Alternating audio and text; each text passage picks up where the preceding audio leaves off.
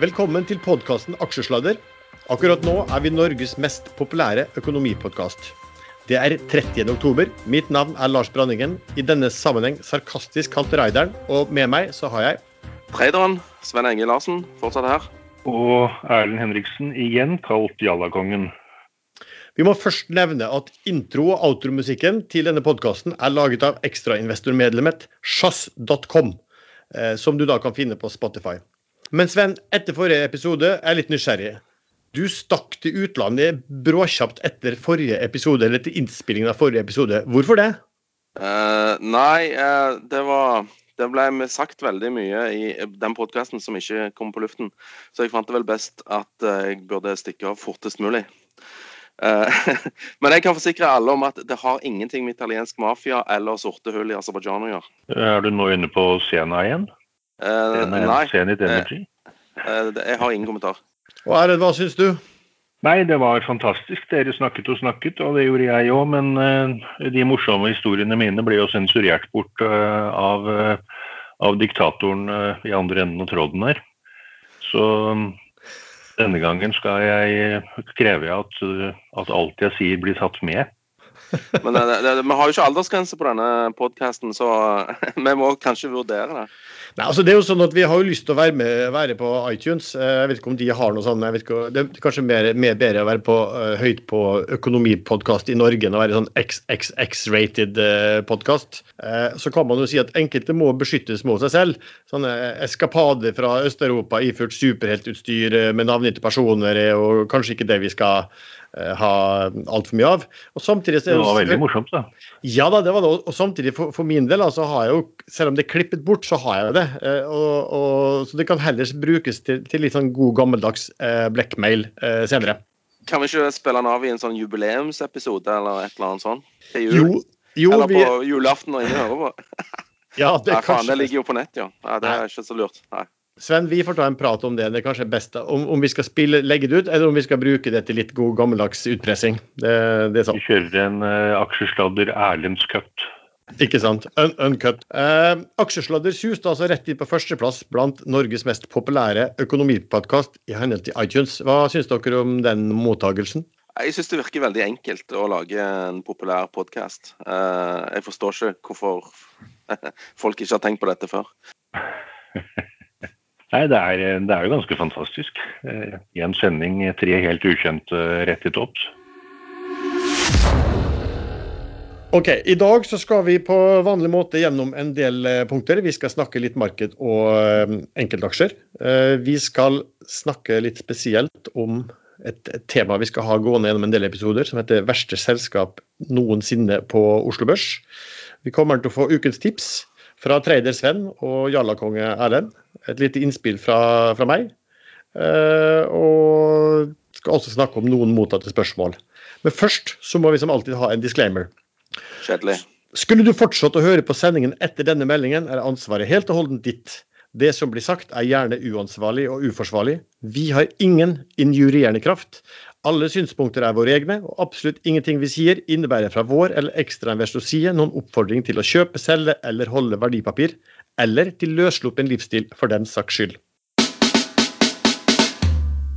Da går vi over til nyheter eller utvikling i markedet generelt den siste uken. Eh, Sven, har du noe eh, spesielt på hjertet? Ja, eh, jeg, jeg, jeg ser jo at USA-børsene setter nye all time highs nesten hver dag nå. Eh, jeg føler at vi ikke får være med på festen. Det virker som det bare er et fåtall selskaper som drar disse indeksene der borte. Og her sitter vi i, i sumpa, liksom. Eh, urettferdig. Vi ligger Så- ca. 80 poeng nå under eh, all time high med Norge. Men eh, det er jo riktig som du sier, Sven. Ja, det, det er jo helt fantastisk. Eh, jeg vet ikke hvorfor markedet går. Det kan være fordi at rentene er null eller minus. Det kan være fordi at uh, selskapene kjøper tilbake egne aksjer. At uh, handelsavtalen med Kina er nært forestående. Brexit ser ut til å løse seg på en eller annen måte. Men det er de samme nyhetene om og om og om igjen. Og, men det finnes tydeligvis ingen uh, reelle alternativ til, til aksjer for øyeblikket i og med at rentenivået er så lavt som det. Nei, det er jo nesten sånn at vi, vi har jo hatt en god del urovekkende nyheter uten at markedet egentlig reagerer eh, særlig negativt på det. blir kanskje liggende litt stille, og så kommer det nyheter om at kanskje den og den holder på å løse seg, det ser litt bedre ut, og så, og så dundrer bare markedet eh, videre igjen. Og Det er nok sikkert litt sammenheng med at hva er alternativet nå i dagens nullrentepolitikk? Nei, og så er det jo bare de store eh, selskapene det blir putta penger i, da. Fordi at eh, de er enkle å komme seg ut av hvis det skulle bli nødvendig. Eh, du har små, små og mellomstore bedrifter. De ligger stille eller faller fortsatt. Ja, jeg vet ikke, jeg har ikke sett på hvordan det ligger. De har vel en egen indeks i, USA som heter Russell 2000, eller noe sånt, og den har vel i hvert fall de siste årene ligget betraktelig bak, eh, bak eh, type Dow Jones og SMP 500. Det er feil selskap som går, ble det sagt i går. Det sier, det er selskap som drar børsen. Det sier man alltid når man sitter feil. Ikke sant. sånn er det. Vi har, jo også, ja, vi har jo også en rapporteringssesong nå, da. Eh, det har vel vært sånn litt så som så, egentlig. Eh, I hvert fall på de norske selskapene. Ja, finans. Eh, DNB kom vel ikke med så veldig gode tall, eller var de gode, de tallene som kom? Det er mulig jeg blander her nå. Gjensidige fikk seg i hvert fall en smell på, på tallene. Ja. Uh, nei, ellers har det vært sånn Det har ikke vært sånn uh, jubel, hurra, liksom, på ja. tallene som har kommet. Nei, altså Equinor leverte vel egentlig ganske svake tall, men, men der hadde man jo Alle meglerhusene hadde jo da, uh, hardt kuttet estimatene sine de siste eh, få uker før de skulle levere tall. Ja, Oljedirektoratet kom jo med en oppdatering som viste at gassproduksjonen på norsk sokkel var jo mye lavere enn eh, en forventa. Ja. Så analytikerne fikk jo justert før tallene kom, så ja, da var det ikke noe bombe likevel. Nei, men du mener, det, du, mener at det, er helt uaktuelt at Equinor sjøl kunne ha vært ute og snakket litt med analytikere og antydet at de kanskje lå litt høyt? Nei, det skjer vel aldri. Nei, det, det skjer selvfølgelig aldri. Det, det vil jo det vil jo være å gi vel ikke at uh, estimatene dras ned for å tilpasses virkeligheten før virkeligheten kommer? Nei, det skjer jo aldri. Spesielt ikke på Alcoa i uh, USA, som bruker å være første selskap ut. Der var det jo en periode slik at, uh, at alle dro ned estimatene for å være helt sikre på at de slo estimatene. og Da kunne man jublende meddele at resultatsesongen var sparket i gang med Alcoa, som slo estimatene. Og det var kanskje grunnen til at etter hvert man fikk dette som heter whispers number også, som egentlig var sånn Hva er det egentlig vi tror for tall? Eh, som er litt ulikt hva man forteller ut til massene. Men det er så. Er det noen spesielle enkeltselskap eller nyheter på enkeltselskap dere har bitt dere merke? Ja, jeg må bare, bare komme inn med eh, en tegningsrettsemisjon i eh, et selskap som heter Adevinta. Det er jo dette rubrikkselskapet uh, som ble spunnet ut av Skipsted. Der er det for øyeblikket en emisjon som pågår. Tegningskursen er 20 øre per aksje. Eh, aksjekursen ligger i 105 kroner. men det spesielle her, og det som jeg beit meg merke i, er jo at du har fått én tegningsrett for hver aksje eh, du hadde i Adevinta A. De har slått sammen disse to aksjeklassene. Men det spesielle er at du trenger 81 retter for å tegne én aksje. Det er en veldig rar måte å, å gjøre en tegningsrettsemisjon på. Altså tegningskurs 20 øre, aksjekurs 105. Meget spesielt. Har du vært inne og kjøpt eh, for, for å få retter, Svein, eller? Nei, jeg har ikke gidda. Jeg vil tro at folk velger å tegne når tegningskursen er 20 øre. Og eh, forskjellen på emisjonskurs og aksjekurs er 104 kroner 80 øre. Da, ja. da, tror jeg det blir fulltegnet. Ja. Mistanke om det. Eh, for min del så, så, la jeg litt merke til eh, Polite. Det er jo et selskap som har gått veldig mye på børsen de siste ukene. Har falt fra, De var vel introdusert rundt 50 kroner på børsen og falt ned til syvtallet. Altså det, det, er et selskap som har en, en type ny linse basert på polymermateriale, som tydeligvis er noe sånn gelélignende. Eh, og, og, den linsen skal bruke lite strøm og, og være raskere til å fungere. Det, det er ingen, den er ikke tatt i bruk i noen produkter ennå. De jobber etter det jeg forstår med en smartklokkeprodusent, noe barcode og også eh, en smarttelefonprodusent. Eh, jeg tror de har flere, flere faktisk. Eh, flere sånne mobiltelefonprodusenter eh, som har testa ut dette her, i hvert fall. Ja, men, det er ikke bare 7-8. Ja da. Ja. Ja, det, det, er mulig hva de tester. Men i alle fall på fredag så var han ute, konsernsjefen ute i Finansavisen og fortalte at én spesiell smarttelefonprodusent var kommet langt i å teste ut eh, linsen. Han sa da at uh, designet på telefonen er låst med et selfiekamera på framsiden som bruker vår linseteknologi. Det er tydelige signaler på at de ønsker å ta i bruk vår linse. Det sto også i Finansavisen på fredag. Børsmelding kommer så klokken 21 fredag kveld. Da forteller Polite at de har blitt notifisert om at uh, smarttelefonprodusenten som hadde planlagt å bruke lensen, det har kansellert hele prosjektet. Uh, Pga. eksterne faktorer. Uh, så timingen her var jo kanskje, eller for å si det mildt, litt uheldig fra, fra den stakkars konsernsjefen. Og så kan man jo tenke og vurdere selv om man tror at det å melde dette klokken ni, ni på en fredag kveld er tilfeldig eller ikke. Eh, det er jo regler for når de skal melde ting som er viktig for selskapet. Det, det kommer jo noen nye regler i 2017, så vidt jeg husker. Og da skal du melde alt med en gang det skjer. Hvis det er relevant for uh, verdisettingen av, av, selskapet. Så kanskje de fikk en e-post litt sent på kvelden? På ja, det, ja da, det er mulig. Man kan jo alltid være konspiratorisk på det, men vi får vel velge å tro at det var da, eh, det var da de fikk det, og, ikke mens eh, børsen var åpen på fredag. Selv om de reglene er jo ikke sånn at det er klart at når du er helg, så kan du jo også sende meldingen på mandag morgen, slik at flest mulig eh, får det med seg. Og det har jo vært kjent da, for, som en sånn taktikk før at man, bad news det, man, det sendte man gjerne på, på fredag kveld, så, så få som mulig leste det. Ja, det var gjerne klokka 23.55, sånn at den var på Newsweb i fem minutter eh, for de som ikke sjekket dagen tilbake. Ja, genialt. eventuelt òg å, å, lekke eller sende ut dårlige nyheter på en dag som er dominert av en spesiell sak i media som tar hele båndbredden. Det, det er òg en fin måte å kamuflere dårlige nyheter på. Det har også skjedd. Jeg, men for å si jeg, tror, jeg tror vel kanskje ikke at Polet hadde sendt den på en sånn melding på uh, fredag kveld hvis de hadde fått en fet ordre uh, på fredag etter børs, for å si det sånn. Nei, sikkert ikke. Men det, gjelder, men det, skal vi ikke bruke mot dem. Det hadde vel gjaldt for 99,9% av selskapene på Oslo Børs, sånn sett.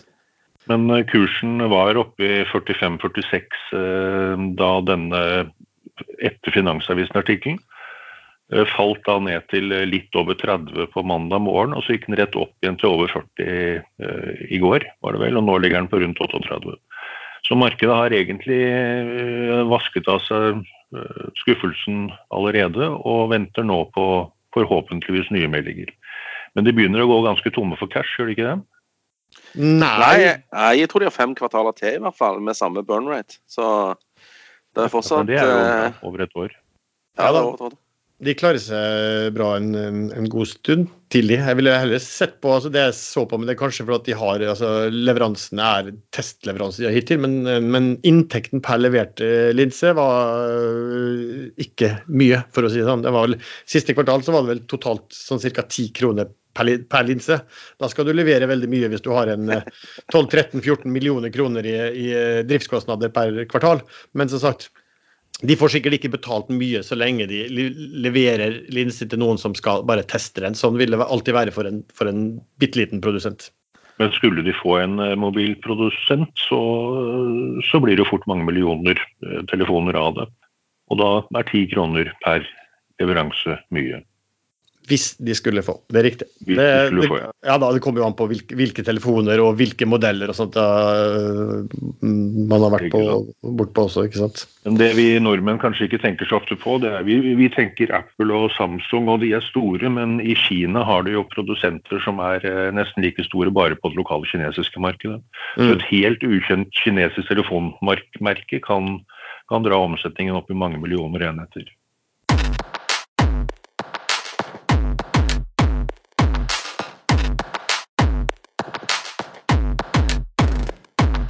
Vi har spurt en del aktører rundt. Vi, vi har oppdaget på Ekstrainvestor at det har vært ø, alltid stor interesse for å skrive om dårlige selskap, råtne selskap.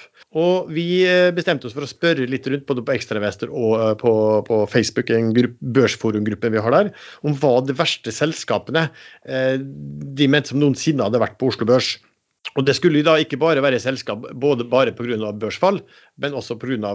hvordan selskapet ble, hadde blitt drevet, skråstrek informert eh, selskapet. Eh, vi har lagd en liste på ti stykker, blant eh, sikkert en 30 navn vi har fått.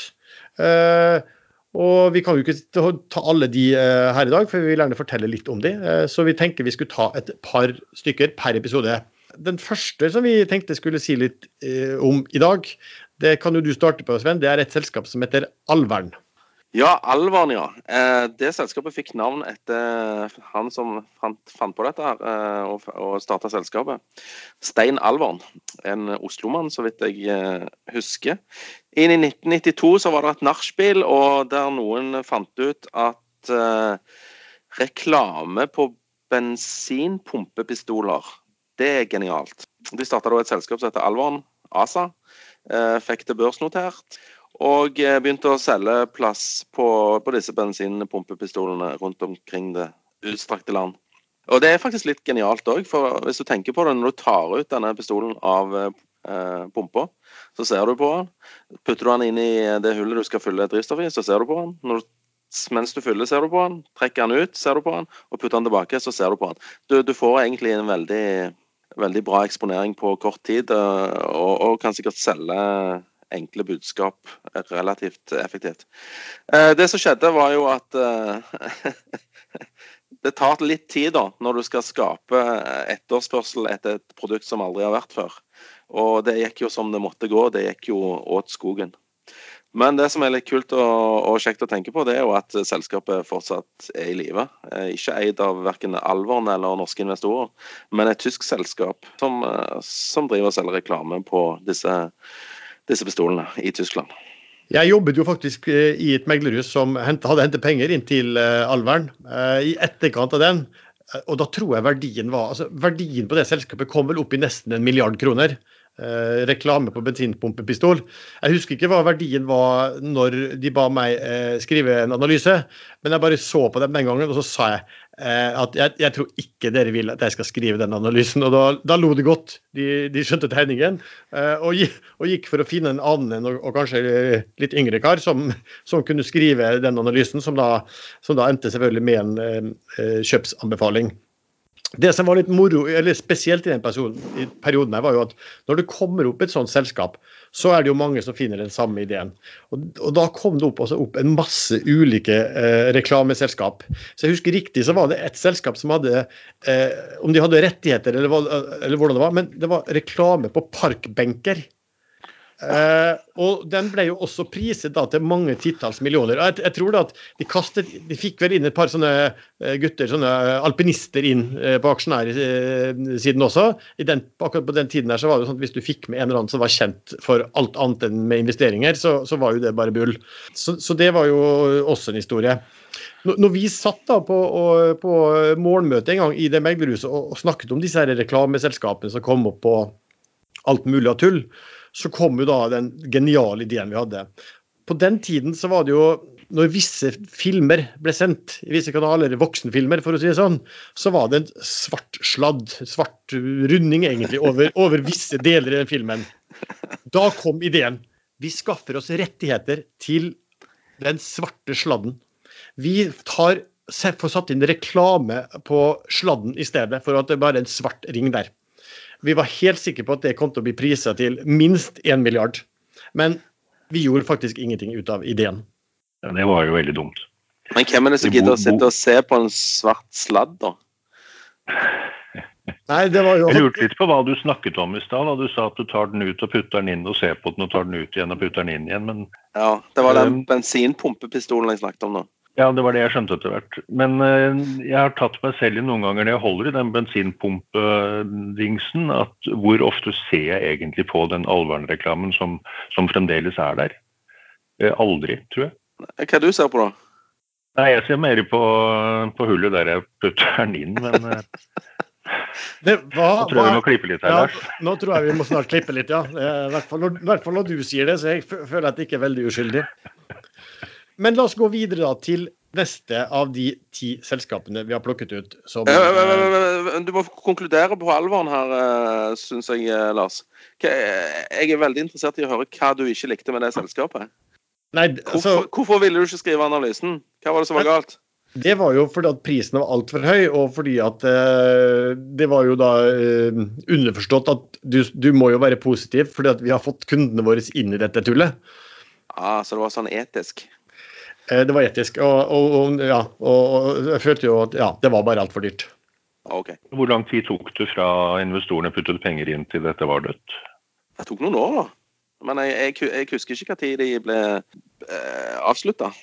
Nei, det samme her. Jeg husker heller ikke hva, hvordan historien ble etter hvert. De forsvant i hvert fall ut i, i det store intet, selv om de i dag tydeligvis da er et tysk selskap og, og, og har, har en eller annen inntekt på det. De, de nepper vel en milliard, for å si det sånn. Neste selskap ut, det er jo en av eh, kanskje min, min, min store favoritt, må jeg si. Eh, Det er et selskap som heter Sino Agrofood. Eh, Dette var jo et, et, et kinesisk selskap som drev med altså, fiskeoppdrett på land. Og de drev også med noe eh, kjøtt, altså cattle og, og, og litt sånne saker. Eh, Og rekeoppdrett. Re rekeoppdrett også, ikke sant. De kom seg egentlig på børs på, på den måten som en masse eh, kinesiske scam-selskap gjorde. De gjorde en sånn re reverse takeover av amerikanske eh, selskap som egentlig var bare eh, skallselskap, der, der, der det ikke foregikk noen ting igjen eh, av verdi i, i morselskapet, men som hadde vært notert på en eller annen liste. Men dette selskapet klarte jo å få med seg en hel del eh, norske eh, investorer også. Eh, Arne Fredli og han eh, Hansson eh, klarte jo å komme seg inn på dette her, og selskapet ble notert på det var på Merkur-listen på Oslo Børs.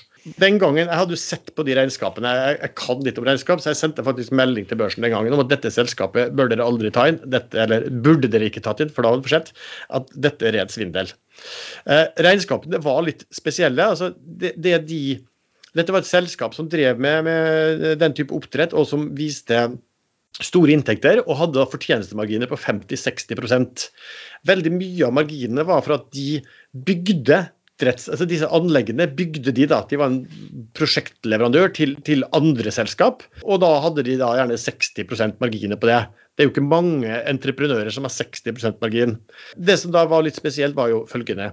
De som de, de bygde til, de hadde igjen rett til å kjøpe seg opp og bli store eiere i de som de leverte til. Altså, reelt sett så var jo de De bygde til seg selv. Og, men kunne bokføre dette her som fantastisk, med fantastisk store marginer. Og de pengene ble selvfølgelig aldri betalt. Så det var store, høye inntekter, store resultat, men, men kundefordringene og prosjekter under utførelse, den ble bare større, større og større. Det var lite cashflow òg, forstår jeg. Det var jo ingen cashflow, ikke sant? Fordi Nei. Eller tilnærmet ingen. Og det som da skjedde, at Selskapet trengte jo penger. De fikk ingen lån noen steder som burde utlyst ganske mange røde flagg. Og det det endte med at de betalte leverandører i aksjer. Og eh, i henhold til regnskapene så betalte de leverandører med aksjer til PE på ca. 0,3. Og der burde man jo eh, også sette sett eh, signalene. Dette var et selskap som de lovte jo utbytte en rekke ganger, eh, og hver gang så kom det et eller annet eh, imellom. De lovte at de skulle spinne av om det var den fiskebiten eller den rekebiten som også skulle bli, bli spinnet av, og, det, det, og aksjonærene skulle få eh, aksjer i det, og det skulle bli notert på både i Oslo og New York og hvor det var der. Det gikk heller aldri bra. Til slutt så fikk vel Oslo Børs øh, nok øh, av de, de øh, og ville altså Det var vel gjensidighet om at dette selskapet måtte bare forsvinne ut fra Mercury Markets. Hva som til slutt skjer med det selskapet, det vet jeg ikke. Det var dominert av gründer der nede. og Mitt stalltips var jo alltid at en dag ville han gründeren være borte med pengene. og Eh, og, og det ville bli klart at de anleggene man hadde sett i, i Kina, ikke engang tilhørte selskapet. Men det vet jeg ikke om vi noen gang får svar på. Eh, Aksjen kom vel på Merkur på ca. 80 kroner og forsvant ut på 1. Ja, det er riktig. Det tror jeg stemmer at den var nesten oppe i 100 når, eh, Ja. når, de, når de ble introdusert. Og det var jo da folk som jobbet i store meglerhus som fremhevet dette selskapet også som veldig spennende og interessant og med god inntjening. Eh, og jeg tenkte med meg selv at gud hjelpe meg, de, de kan da ikke skjønne et regnskap. Nei, Jeg hadde en Twitter-diskusjon med han eh, lakseanalytikeren i, i First, uh, eller nå Swedbank. Jeg skal ikke nevne noen navn, men han hadde vært i Kina og sett på dette, og trodde fullt og helt at dette var skikkelige greier. Så uh, lure folk kan òg bli lurt. Ja, men det... det var der uh, du pleide å skrive at det lukter, lukter reker her når det kom en børsmelding, eller? Ja, aldri kjekt når det lukter reker. Da har vi vært gjennom to av ti selskap. Vi har en masse ulike eh, morsomme selskap, eller kanskje ikke så morsomme som de som har tatt mye penger på det, som vi skal ta, prøve å ta to og to i, i, eh, i eh, episodene framover. Så er vi på et vanlig tema som vi har hver gang, og som vi hadde sist gang også. Det er ukens tips. traderen mot Jallakongen. Hva skal vi si om eh, det som har eh, skjedd i uken, Sven, og hva har du å komme med denne uken? Ja, forrige uke så anbefalte jeg jo dette her jeg Skal ikke nevne navn på Jo da, jeg skal nevne navn på selskapet. Det er Senate Energy. Um, de satte en emisjon som jeg var med på. Kursen gikk faktisk som en rakett fra 35 øre til 50 øre. Men det virker som den raketten ble fyrt av innendørs, for den traff rett i taket og falt rett ned igjen. Til rundt 35 der han er i dag. Det har ikke kommet så veldig mye nytt fra selskapet. De driver og demobiliserer og flytter riggen til et annet, et annet sort hull. Eh, så sånn går nå dagene der nede. De har fått hente inn noe penger. Folk, eh, hvis de fulgte tipset, kan ha tjent penger på Senhet hvis de solgte høyere enn 35,5 øre. Når det gjelder Bergen Bingo, så, så har vel Eller vil du, vil du tilføye noe på Senhet, eh, Erlend? Ja, um, jeg tror ikke Zenit er ferdig. Eh, den, jeg, jeg, sier heller ikke at den er ferdig, men han gikk rett opp i 50. De, har en eh, forventet ja, nei, Det er jo helt klart. Det som er mulig forklaring på at den falt rett ned, er at det var en del gjeld som ble konvertert i aksjer på kurs tilsvarende 26 øre. Og når de så kursen dro opp over emisjonskursen på 35 opp til 50, da var det selvfølgelig veldig fristende å dumpe de ca. 11 millionene aksjene. Eh, akkurat nå kan det se ut som at de er ferdig, for nå ligger kursen på 36 øre og opp 7 i dag. Eh, fra par og 30 øre i går. Så mm, den kan få et par avfyringer til. Men det er, eh, det er en del ting rundt det selskapet som gjør at man skal være veldig forsiktig. Men du, du, du er ikke med på det toget du er nå, Sven? Vet du hva, Jeg har kjøpt litt aksjer eh, under 34 øre eh, i går. Eh, ikke så mye som jeg hadde i emisjonen, da, men eh, jeg syns jo at han er jo veldig volatil, denne greia der. Så det er litt eh, kjekt å være med når han, når han beveger seg litt. Jeg, jeg, har jo fortsatt tro på at de kan finne Altså, det er olje der nede. Spørsmålet er får de den opp. Og det vil jo de neste brønnene vise. Hva med ditt eh, tips forrige uke, Erlend? Uh, nei, det var jo I tillegg så var det Bergen uh, Bio, uh, også kalt, populært kalt Bergen Bingo. de kom med en melding om fast track i USA. dro veldig opp på den meldingen. Emisjonens forrige var vel på 13,50 og kursen gikk opp til 2,23 kroner. Og så har den falt helt tilbake igjen. Den er litt opp i dag, og meldingen er veldig god. Og det selskapet virker som at det er litt favoritt til både investorer og, øh, og, analytikere. Øh, alle mener at den skal opp på sikt, men farmaselskap generelt er noe av, det, noe av det vanskeligste man kan investere i på børsen. De kan ligge i stabilt, ustabilt sideleie i månedsvis, opptil et par år, før det plutselig skjer noe. Og kommer det en konkurrent på banen som tar, uh, har en bedre løsning, billigere løsning, kommer raskere på markedet, så, uh, så, er produktet verdt absolutt null. Ingenting. Så det er high risk, uh, men de har visstnok mange produkter i den pipelinen. Så jeg tror fremdeles det kan gå høyt, men jeg solgte med tap sist uke. Hva er da denne episodes tips? jeg har sett på rigg altså sektorene. Boreriggselskaper. Og det har sin grunn i at TransOcean kom med tall for uh, Var det i går eller foregår? Uh, uansett. De kom med noen oppløf oppløftende nyheter når det gjelder riggrater. De har gjort noen slutninger nå for disse, uh, disse vanlige flyterne sine. på midt på 200 000 dollar dagen-nivået. Og de melder om at uh, ratene i Australia nærmer seg 300 000. Og uh, 400 000 dollar i harsh environment-markedet. Og det er jo gode, gode nyheter for, for riggselskapene som har ligget nede med brukket rygg nå siden 2015. Eh, masse restruktureringer har blitt gjennomført. Riggratene har vært utrolig trege.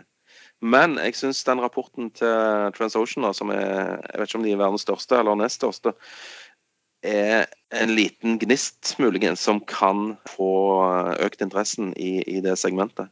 Så jeg har sjøl kjøpt eh, Northern Drilling, Noodle, eh, Oddfjell Drilling, Odel, og så sitter jeg og ser på Sidrill, som sikkert er den som kommer til å gå mest hvis du får en dead cat bounce her, da.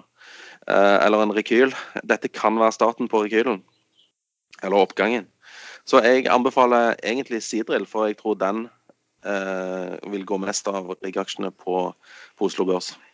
TransOcean gikk opp 8 i går, var vel oppe i en sånn 12-13% opp på det meste. Eh, litt spent på om den oppgangen fortsetter i dag. Hvis den gjør det, så kommer jeg til å kjøpe litt mer Nodel og Oddel. Så det er mitt tips for kommende uke.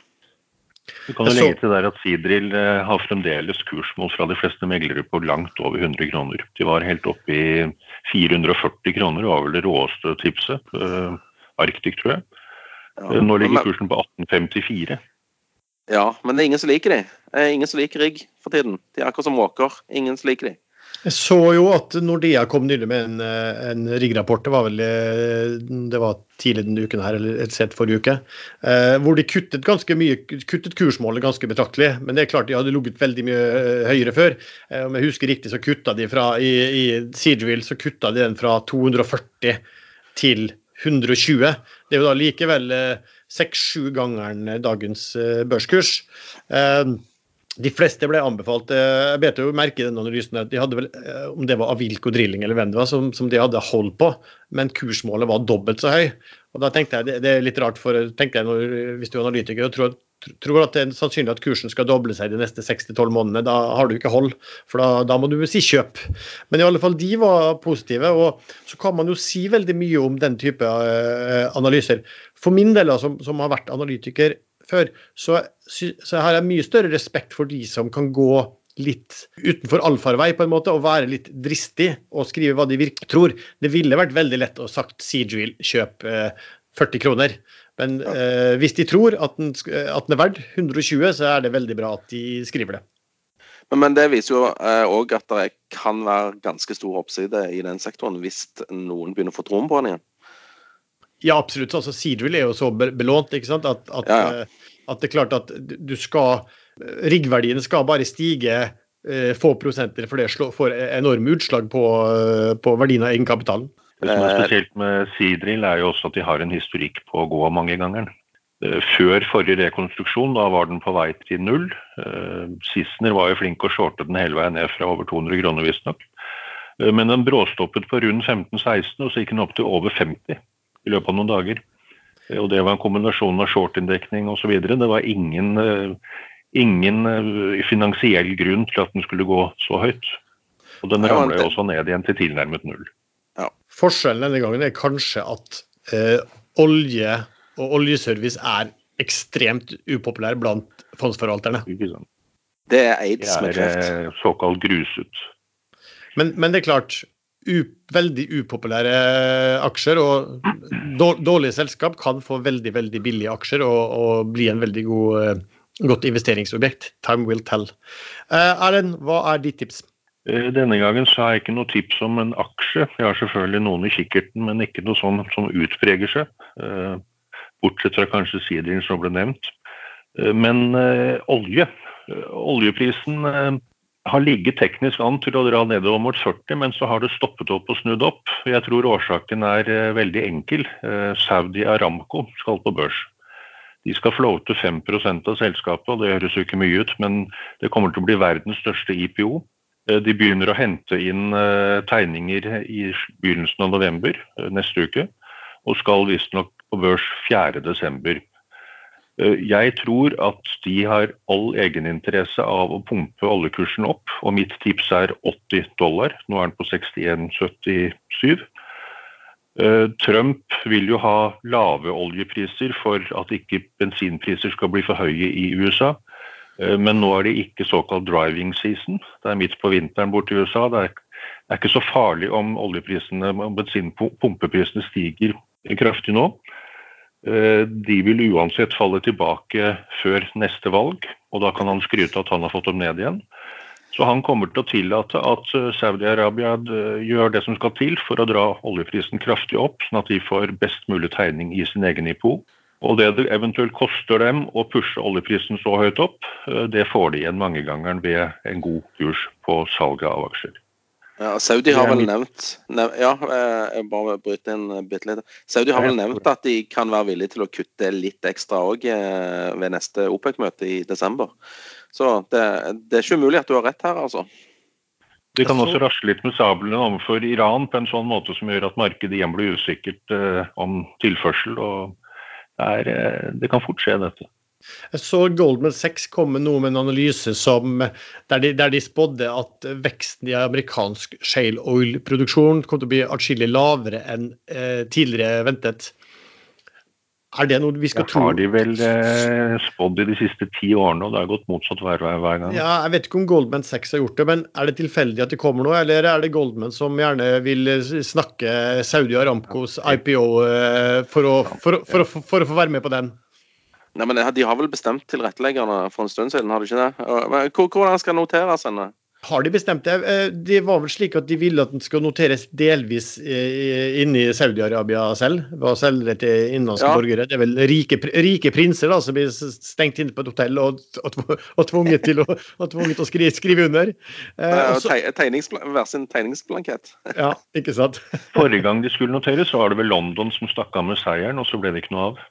Uh, Nei, så derfor Hvis den skal på børs nå, øyeblikk, hvor er den skal noteres? Er det noen som vet det? Jeg tror ikke det er bestemt ennå. Jeg tror ikke det er bestemt. Jeg vet at, å nei, jeg vet at Saudi eh, At han skulle noteres i Saudi, i hvert fall. Ja, og det tror jeg det kanskje det, det er dit den skal først, da kanskje. Og så tar de eh, deretter og noterer den i en børs utenlands med Jeg har ikke sett hvilke tilretteleggere som Jeg tror de er valgt, altså. OK, kan være. Men uh, det letteste er vel Merkur Marked Merkur i Oslo. Der, ja. uh, der. Et, etter at Sino Agrofood ble kastet ut, så det er plass til et oljeselskap. ja. Har jo mange gode der fra før. Zenit og så videre. Svart, svarte hull. Mange svarte hull. Ja, vi har en egen uh, på, på aksjechatten på Ekstrainvestor, hvor vi skriver litt om denne her, så har vi en egen emoji for Zenit, og det er et svart hull.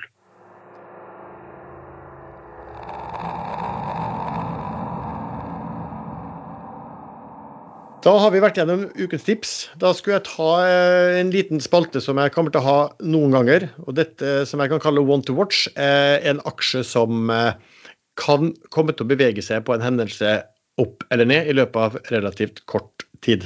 Og det er Philly Shipyard, tidligere Aker Philadelphia Shipyard, som gjerne går fra boom til bust til boom til bust. Da må jeg først si at dette er en aksje som, eh, som jeg eier. Ganske mye òg, gjør du ikke?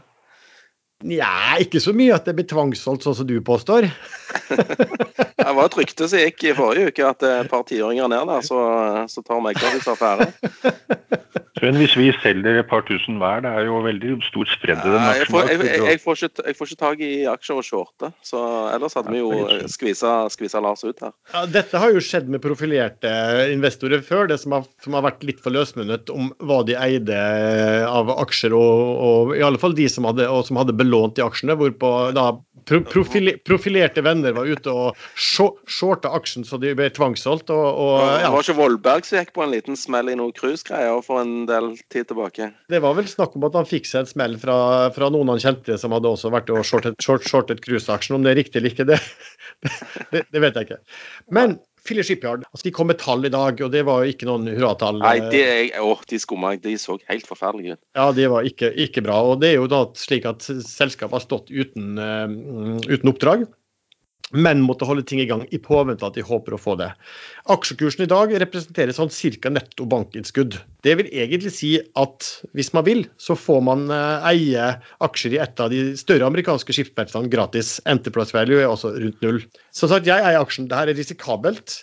Årsaken til at jeg eier det, er at jeg tror at Philly kan få ny stor ordre i løpet av de neste to måneder. Innen to måneder så skal Marad, altså det US Marine Administration, de skal tildekke byggekontrakt på et nytt fartøy som skal være treningsfartøy for amerikanske marinen. Det er altså en kontrakt på 300 millioner dollar, og Philly er med. Kan de få den? Det er en reell mulighet for det av flere årsaker. Altså Marad, som da er altså Marine Administration, har gitt noe som heter Total Services jobben som byggeleder for fartøyene nå i sommer så fikk faktisk Philly eh, sin første militære kontrakt nettopp av Marad og Tote på modernisering av et militært cargoskip. Og i oktober nå så fikk de den andre kontrakten. Philly har jo også da ledig kapasitet. De har ingen eh, fartøy som skal bygges eh, framover. Og det er ikke bare i fordel med henne til denne kontrakten, men tanken er jo at det skal bygges fem ytterligere tilsvarende treningsfartøy, hvor Amara allerede har fått penger for statsbudsjettet på de to første. Philadelphia ligger i Pennsylvania det er en, vippestat i presidentvalget neste år. Får Philly en kontrakt, så gir det betydelige arbeidsplasser. Og, slik vet man at Trump vil bruke for alt det er verdt. Og Den tesen ble ganske forsterket nylig. Altså Den amerikanske marineministeren som heter Spencer, og eh, Trumps nære rådgiver som heter Navarro, han er kjent som en riktig hauk i handelskrigen for øvrig.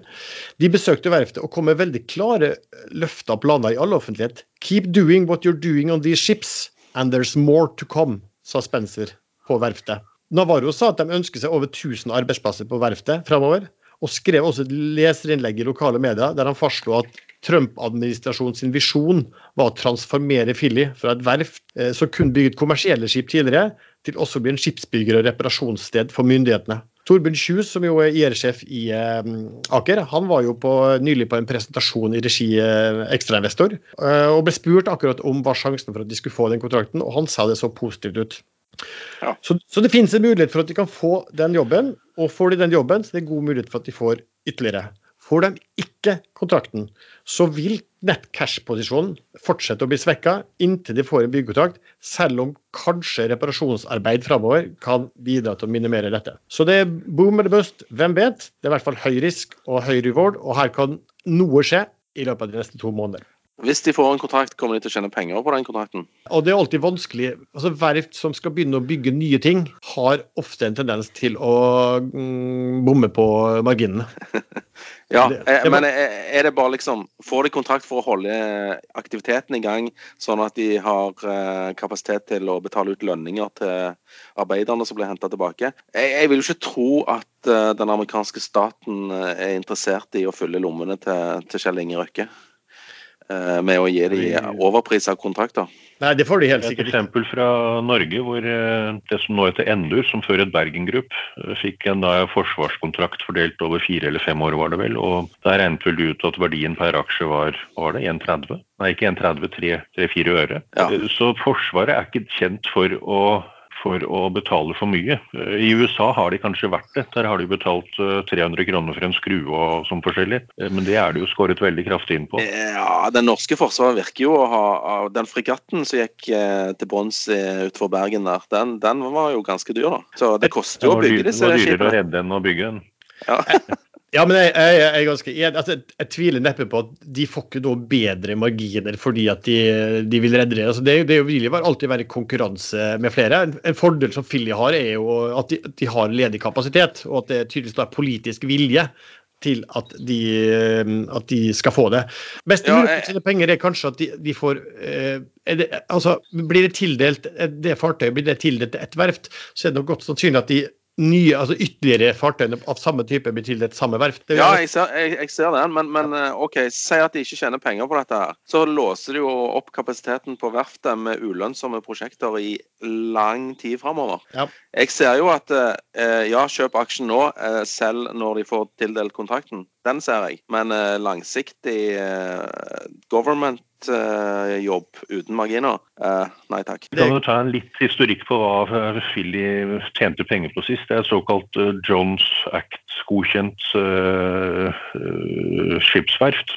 Ja. Jones Act betyr at alle, amerikanske, alle skip som går på amerikanske havner mellom amerikanske havner, inkludert av Hawaii og Puerto Rico, er det vel.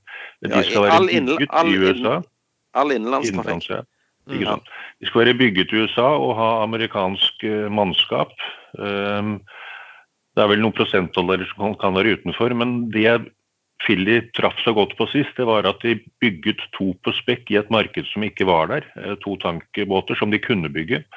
Eh, så kom Jones Act-markedet i forbindelse med Shale-produksjonen økte, og det var ikke rørledninger nok. så mye av Shell-oljen ble fraktet da på tankskip, og der hadde Aker to båter som var nesten klare, og fikk bestillinger på et par til. Så det var båter de kunne bygge, det var båter som var et skrikende marked etter, og de tjente jo enormt med penger på det. Dette husker jeg veldig godt, fordi mm, da kursen begynte å gå så vidt oppover, da satt jeg og en annen på ekstrainvestor og hadde en intern konkurranse om hvem som kom oss høyest opp på topp 20-listen i Philly, i gamle, gamle Aker Philadelphia. Vi lå da begge på topp 20-listen på, på rundt 15 kroner, og vi hadde solgt oss ut før kursen kom til 20, helt ut, og den gikk til 200. Det var ja. eh, tidenes verste salg.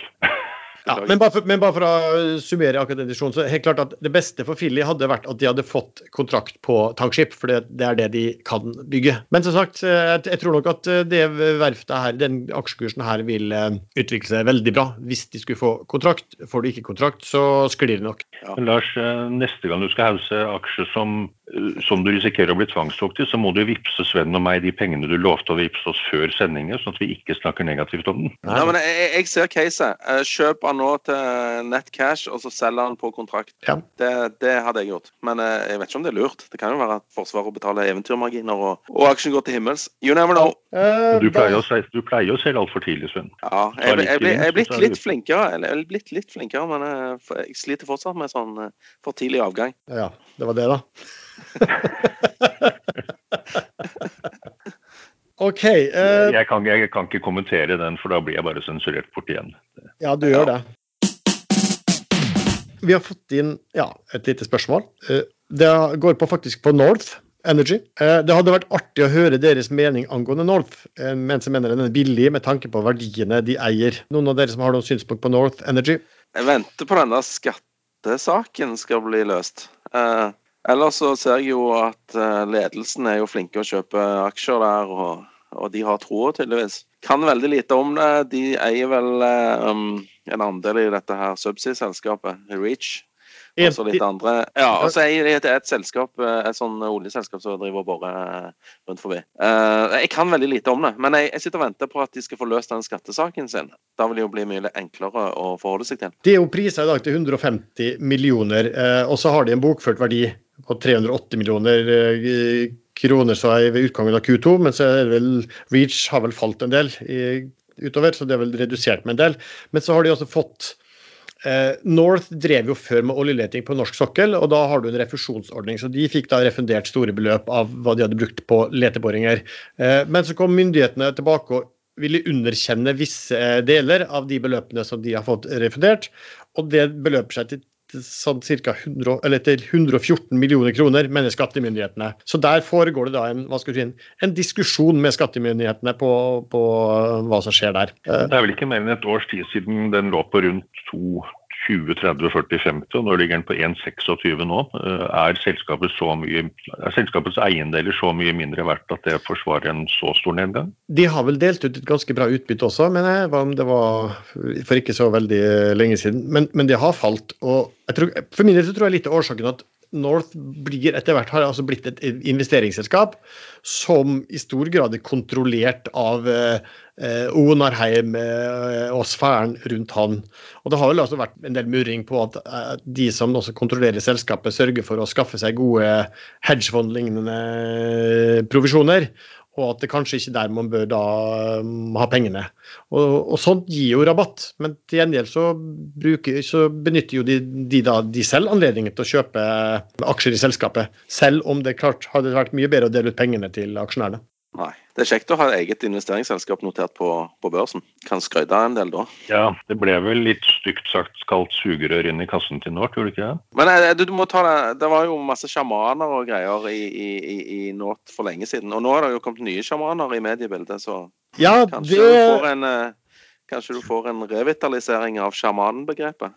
Ja, altså når vi først snakker om, eh, om sjamanen Durex, eller Durek, eller hva han heter, eh, så kan vi jo nevne North, for det var jo litt morsomt. Altså, de, ble jo, North ble startet opp i, opp i Finnmark, i Alta vel, eh, og skulle lage et oljeselskap der, og hadde, fikk inn flotte direktører som skulle ha høye lønninger. Onde tunger sa at bare du jobbet der, så var du direktør, om du så vasket. Og om det her er sant, det vet jeg jo ikke. Men det ble sagt at det var da en sånn samisk sjaman, en sånn heksedoktor eller hva det er for noe, som visstnok satt der oppe og rista med rangla si eller slo på tromma eller hva han gjorde, og forutså da at North skulle fylle store mengder olje, øh, og spådde det. Og, og, at folk da oppe i området der gikk da mann i huset øh, for å kjøpe aksjer. Mann av lavvo, vil jeg si. Det, det er ikke, sant om de bor i hus der oppe. De gjør kanskje La, Helst lavvo, da. Lavo, ja gikk mannen, gikk mannen av Lavo for å kjøpe aksjer. Men, men, i alle fall, de, de, de, de fant da aldri olje, og olje. og Om det er sant der, det vet jeg jo ikke. Og hva som da skjedde med han, om han sjamanen, om han endte opp, kast, kastet opp i et svart hull, han også, det, det må gudene vite. Men det, ingenting forundrer. Nei, det, det er en artig historie. Oljeselskap i Finnmark, liksom. Innlandet i Finnmark. Det det. De snakker om å være helt på vidda.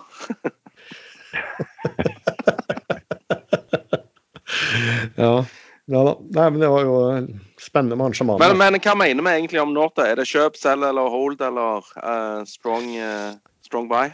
Personlig så tenker jeg litt sånn som du, Sven. at jeg ville bare, jeg, altså, vi, Så lenge man ikke vet om utfallet av den, av den uh, tvisten med, med, med skattemyndighetene, så vil jeg bare For min del så holder jeg i hvert, hvert, hvert, fall, hvert fall unna det. Det skal være tung rabatt på den type investeringsselskap. Det ser vi på andre investeringsselskap som gjerne har rabatter på 20-50% Det skal være mye rabatt, eh, og så må man se hva som skjer der. Det er mitt, min tanke, i hvert fall.